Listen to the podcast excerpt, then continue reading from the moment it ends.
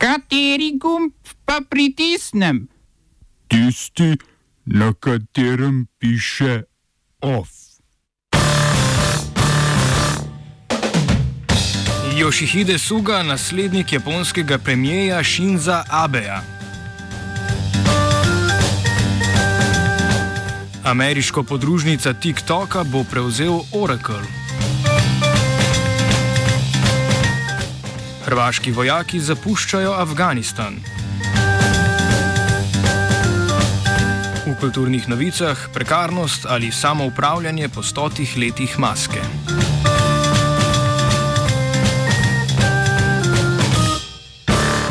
Pozdravljeni. Japonska vladajoča stranka liberalnih demokratov je na kongresu izbrala svojega novega predsednika, ki bo skoraj zagotovo postal tudi novi predsednik vlade. Po odstopu dolgoletnega predsednika stranke Shinza Abeja, ki je odstopil zaradi zdravstvenih razlogov, bo vodenje stranke zdaj prevzel Yoshihide Suga. Ta je na kongresu zbral prepričljivo večino 377 od 534 glasov, s čimer je najverjetneje postal tudi naslednji predsednik vlade. Sledilo bo sicer še glasovanje v japonskem parlamentu, glede na zastopanost strank v njem gre le še za formalnost. Suga, za razliko od večine japonskih visokih politikov, ne prihaja iz politične dinastije, zaradi česar uživa precejšno javno podporo. Ob kandidaturi je napovedal nadaljevanje dosedanjih politik vlade in odločen boj proti gospodarskim težavam, v katerih se je država znašla med pandemijo.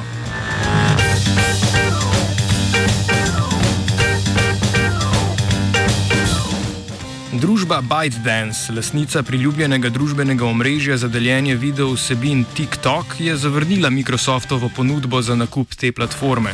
Edina veljavna ponudba tako ostaja ponudba podjetja Oracle, ki je po neuradnih podatkih tudi dobilo posel.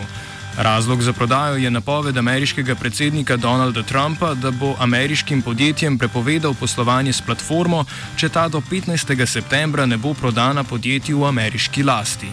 Po njegovih besedah predstavlja kitajsko lasništvo družbenega omrežja preveliko nevarnost drž za državno varnost, saj naj bi Kitajska s pomočjo platforme zbirala podatke o ameriških državljanih.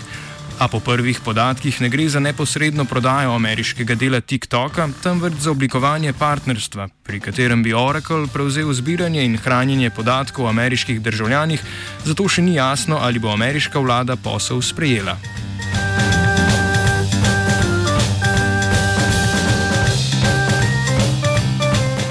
Ostajamo na področju tehnokapitalizma. Ameriška družba Nvidia, ki proizvaja predvsem grafične kartice, bo za 34 milijard evrov prevzela podjetje ARM, ki ima sedež v Veliki Britaniji. Prodajalec je japonski investicijski sklad SoftBank, za katerim v veliki meri stoji kapital Saudove Arabije. ARM razvija osnovne elemente mikročipov, ki jih druga podjetja na to uporabljajo v svojih mikročipih.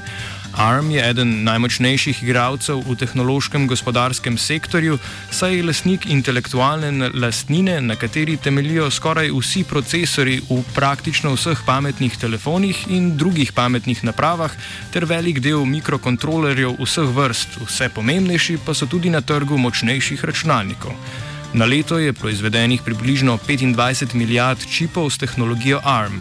Eden večjih uporabnikov tehnologije ARM je tudi podjetje Nvidia, ki se je iz proizvajalca grafičnih kartic za računalniške igre v zadnjih letih razvilo v najpomembnejšega igralca na področju mikroprocesorjev za strojno učenje in umetno inteligenco. Drugi uporabniki intelektualne lasnine družbe ARM, ki so konkurenti Nvidia, naprimer korejski Samsung ali kitajski Huawei, niso zato nad prevzemom niti najmanj navdušeni.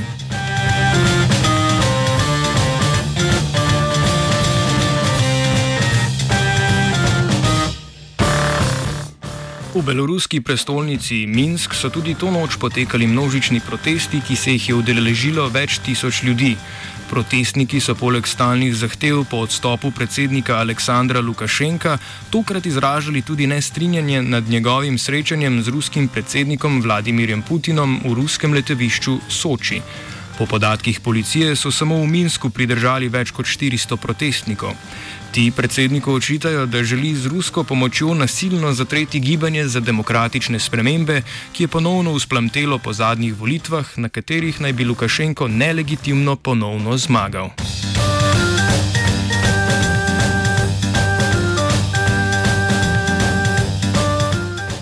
V Rusiji so v več regijah potekale lokalne volitve. Na večini volitev je po preliminarnih rezultatih največ glasov prejela vladajoča stranka Enotna Rusija, a rezultati stranke, ki je naklonjena predsedniku Vladimirju Putinu, niso bili tako prepričljivi kot v preteklosti. Volitve je zaznamovala tudi domnevna zastrupitev aktivista Alekseja Navalnega, ki se trenutno zdravi v Berlinu. Tudi mesto Tomsk v Sibiriji, kjer naj bi Navalni spil skoraj zadnjo skodelico čaja, je eden izmed krajev, v katerih je enotna Rusija izgubila večino v občinskem svetu. Tudi sicer, sicer je opozicija svoje uspehe dosegla predvsem v Sibiriji, med drugim v tretjem največjem ruskem mestu Novosibirsk, drugje pa je znova prepričljivo slavila enotna Rusija.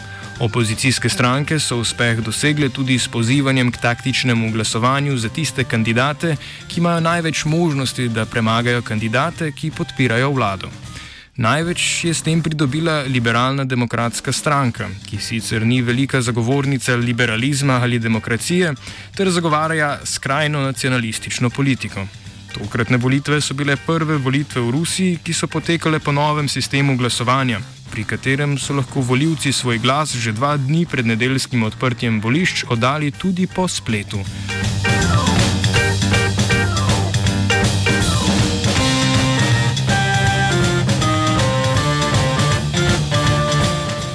Grčija bo na otoku Lesbos zgradila nov, stalni center za migrante, s katerim bo nadomestila taborišče morja, ki je bilo uničeno v več požarih.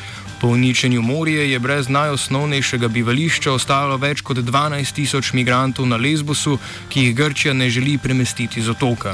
Grški premijer Kirjakos Mitsotakis je napovedal, da bo to tudi priložnost za spremembo načina obravnave migrantov, ki prihajajo na grške otoke, ni pa povedal, kakšne naj bi te spremembe bile.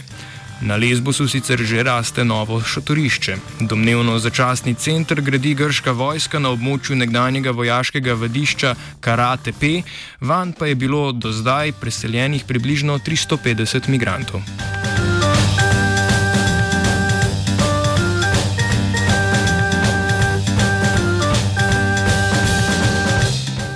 Spuščanjem zastave v vojaški bazi Marmal se je zaključila misija hrvaške vojske v Afganistanu. Baza Marmal na samem severu države v bližini meje z Uzbekistanom je sicer glavno oporišče nemške vojske v Afganistanu. Hrvaška misija se končuje malo pred svojo dopolnitvijo polnoletnosti, saj je Hrvaška prve vojake v Afganistan poslala že februarja 2003. V prvih letih so delovali predvsem v okolici Kabula, kjer je imela Hrvaška naprimer leta 2008 nameščenih okoli 300 vojakov.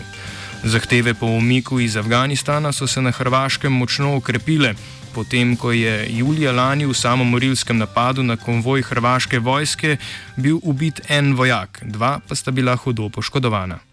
Oba, če bom odgovoril na angliški.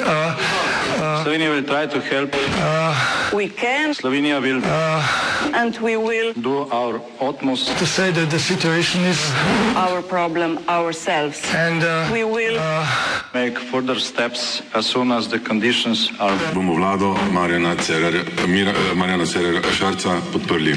Very, very serious. From Slovenija. We know how and we will.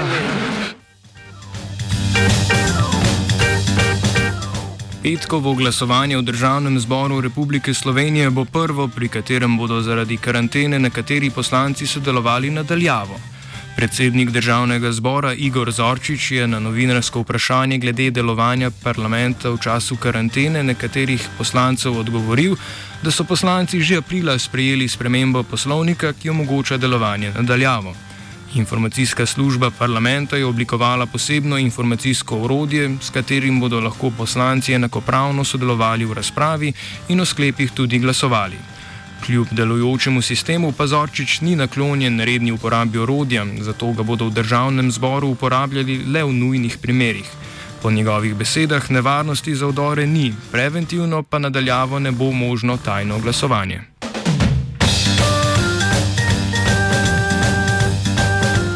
OF sta pripravila Gal in Koruza.